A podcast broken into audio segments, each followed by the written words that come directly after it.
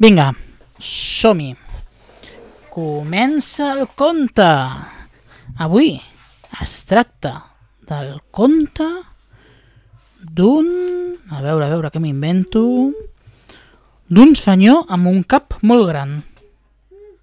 Moltíssim. Molt, molt gran. Molt.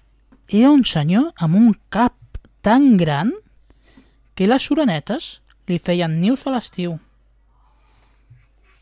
Sí, sí. I se li posaven aquí, al cap, les orenetes. També li venien cigonyes. Sí, sí, sí, sí. I tenia un cap tan gran, tan gran, tan gran, que quan plovia la gent es posava al seu costat per no mullar-se. Sí, sí, sí, sí, sí.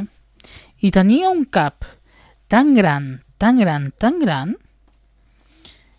que quan tenia polls no es trobaven entre ells. Es buscaven i no sabien on eren. Diuen que un cop es va posar un barret i no el va trobar mai més. Es va posar un altre barret i tampoc sap on està. Diuen que tenia el cap tan gran que van organitzar un safari per anar a veure tots els animals i totes les coses que tenien al cap. La gent anava de vacances al cap d'aquest senyor. I fins i tot van muntar un museu de les coses que s'havien perdut. Un dia anava per un carrer, se li va caure un test al cap i li va créixer un jardí. Era un senyor que tenia el cap tan gran, tan gran, tan gran, que quan feia molt de sol, el seu poble feia ombra.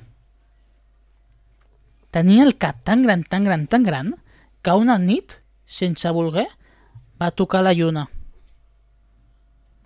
Tenia un cap tan gran, tan gran, tan gran, que utilitzava la Torre Eiffel per pentinar-se.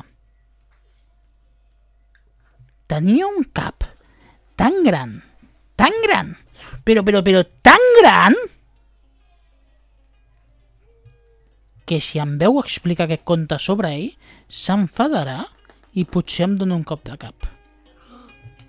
Conte contat, conte acabat.